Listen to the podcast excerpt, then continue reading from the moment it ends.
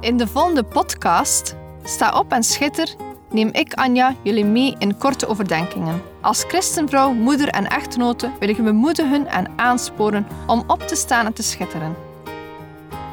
We zijn niet gemaakt om in Gods koninkrijk stil te zitten en niets te doen, maar om op te staan en dienstbaar te zijn. In de eerste plaats tien over God, daarna tien over ons gezin, onze partner of onze geloofsgenoten.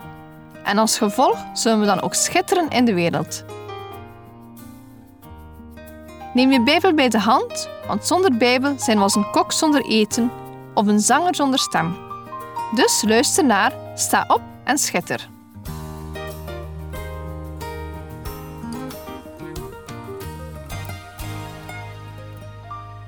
Zoals ik vorige week al aangaf, wil ik vandaag stilstaan bij de haven die God ons geeft. Men spreekt ook wel eens van haven van de geest of genadehaven. Beide uitspraken zijn logisch, want we ontvangen de haven van de Heilige Geest en we ontvangen ze puur uit genade van God. Er zijn twee teksten die deze geestelijke haven beschrijven. In Romeinen 12 vinden we de volgende haven: profiteren, dienen, onderwijzen, vermanen, geven, leiderschap en barmhartigheid. In 1 Corinthiërs 12 lezen we een andere haven, waaronder het verkondigen van wijsheid, overdracht van kennis, geloof, genezing, wonderbare krachten, profiteren, het onderscheiden van geesten, het spreken in tongen en het interpreteren van tongen. Nu ik deze gaven op een rijtje zie, besef ik pas ten volle wat God mij wil geven. Wat een prachtige geschenken! Ik vergelijk het met prachtige cadeautjes die ik geef aan mijn kinderen. Als moeder ben ik zo gelukkig bij het zien van de gelukkige gezichten bij het openen van hun geschenken. Zo is het ook bij ons. Al deze haven zijn als geschenken die God ons wil geven, wanneer het nodig is. Ik zeg duidelijk wanneer het nodig is. Ik geloof dat iedere gave voor ons klaar ligt en de Heilige Geest die geeft op zijn tijd.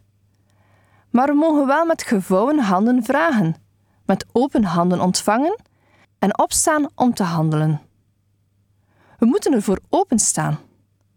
In 1 Korinthe 12, vers 11 staat er dan ook: Al deze dingen echter werkt één en dezelfde geest, die aan ieder afzonderlijk uitdeelt zoals hij wil. God deelt de haven uit. Ik geloof dat niemand alle haven tegelijk heeft. En er is niemand die niets heeft.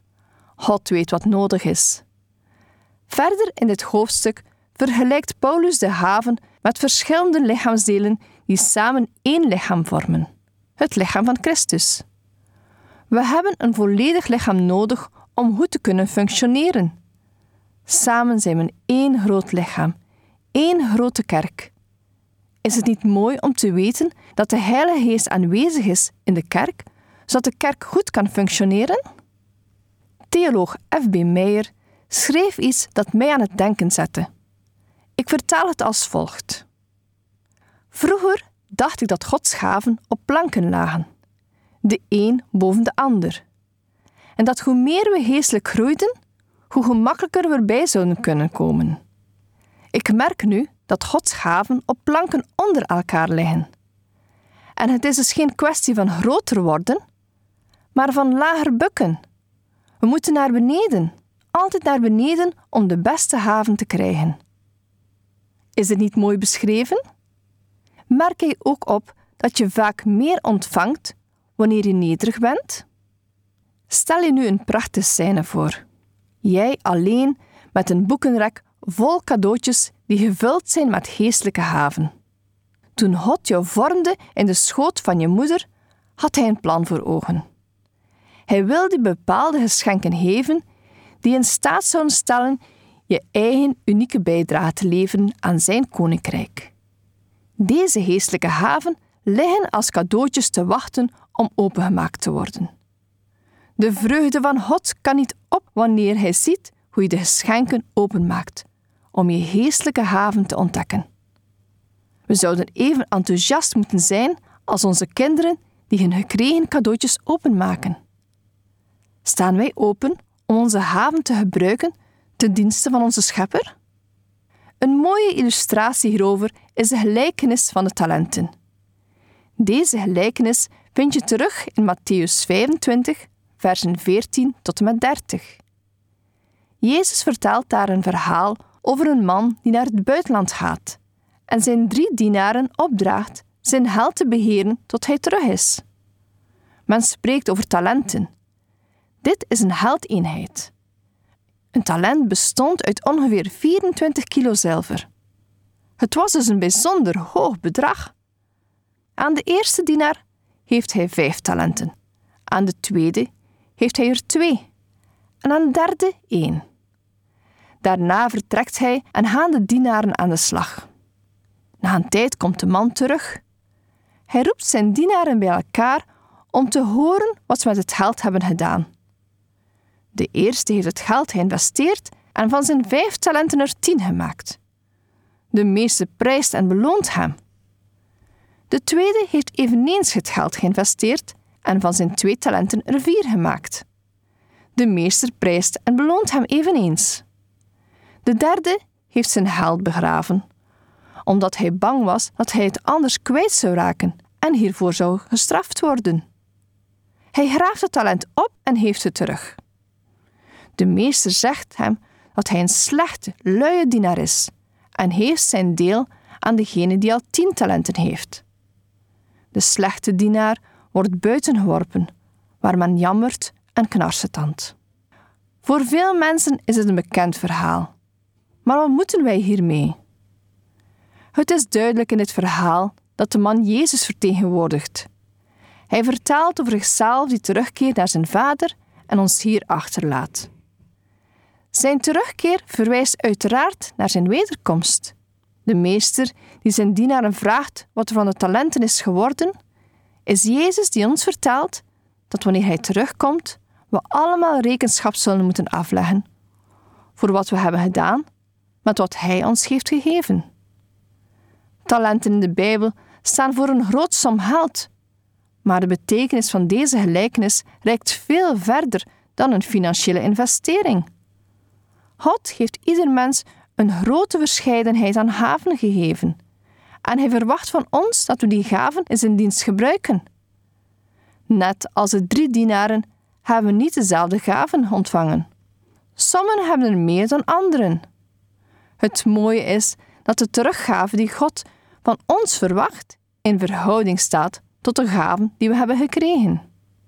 Ik merk op dat de eerste twee dienaren beloond worden ongeacht het verschil in resultaat. Het gaat over trouw en dienstbaarheid.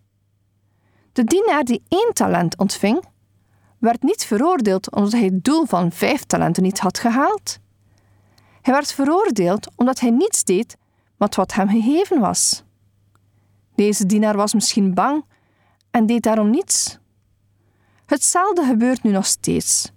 Sommige mensen gebruiken hun talenten niet omdat ze bang zijn te falen of voor wat de mensen ervan zullen zeggen.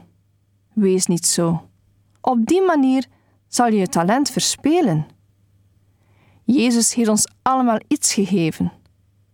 De een krijgt weliswaar meer talent dan de ander. Maar dat betekent niet dat de een of de andere meer of minder verantwoording heeft. Efezes 4, vers 16 zegt ons dat iedereen moet bijdragen naar vermogen. Alle talenten zijn nodig. Als iedereen iets doet, moet niemand te veel doen. En als iedereen bijdraagt, hebben we ook niet de stress van allerlei taken die ingevuld moeten worden. Maar kan iedereen doen waar hij of zij talent voor heeft? Naar vermogen betekent ook dat het kan zijn dat je in perioden even niet kan bijdragen. Problemen met gezondheid, zorg voor je gezin, dat gaat dan even voor. Maar in principe draagt iedereen bij, naar vermogen. Dat betekent dus ook mensen van alle leeftijden. Zoals ik in het begin al vertelde, worden alle christenen samengezien als één lichaam. Een lichaam waarin iedereen belangrijk is, waarin ieder lichaamsdeel nodig is. Iedereen met alle verschillende haven.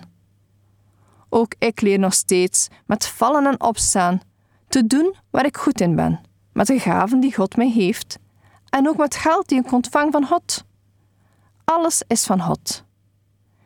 Ik wil als Jezus terugkomt te horen krijgen dat ik een trouwe dienares was. Wil jij dit ook? Bekijk dan in je stille tijd nog even alle geestelijke haven en sta open voor het cadeau die God jou wil geven.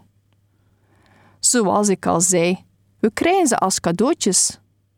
Het is niet goed om die cadeautjes alleen maar op een kastbank te laten liggen en ze te negeren. We mogen ze uitpakken. Misschien ontvang je wel de gave van dienstbaarheid, verkondigen van wijsheid, vermanen, geven, leiderschap of warmhartigheid. In 1 Petrus 4 lees je dat jij met de genadegave die jij hebt ontvangen, anderen moet dienen als een goede rentmeester. Rick Warren beschrijft dit mooi. Hij zegt: Je geestelijke haven zijn niet gegeven voor je eigen voordeel, maar voor het welzijn van anderen. Stel je open om je haven te ontvangen en ze te laten ontwikkelen. Ik wil dat je jezelf de vraag stelt: wat zou er gebeuren als jij je geestelijke haven voor 100% zou in gaan zetten voor de kerk?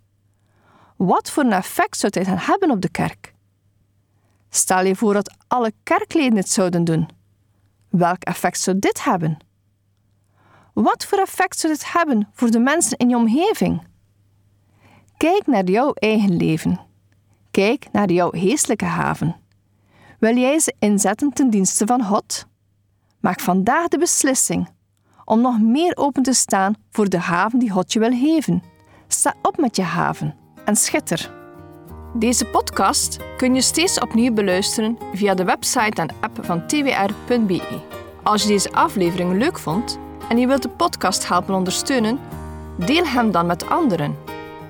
Heb je gebed nodig of wil je reageren op deze uitzending?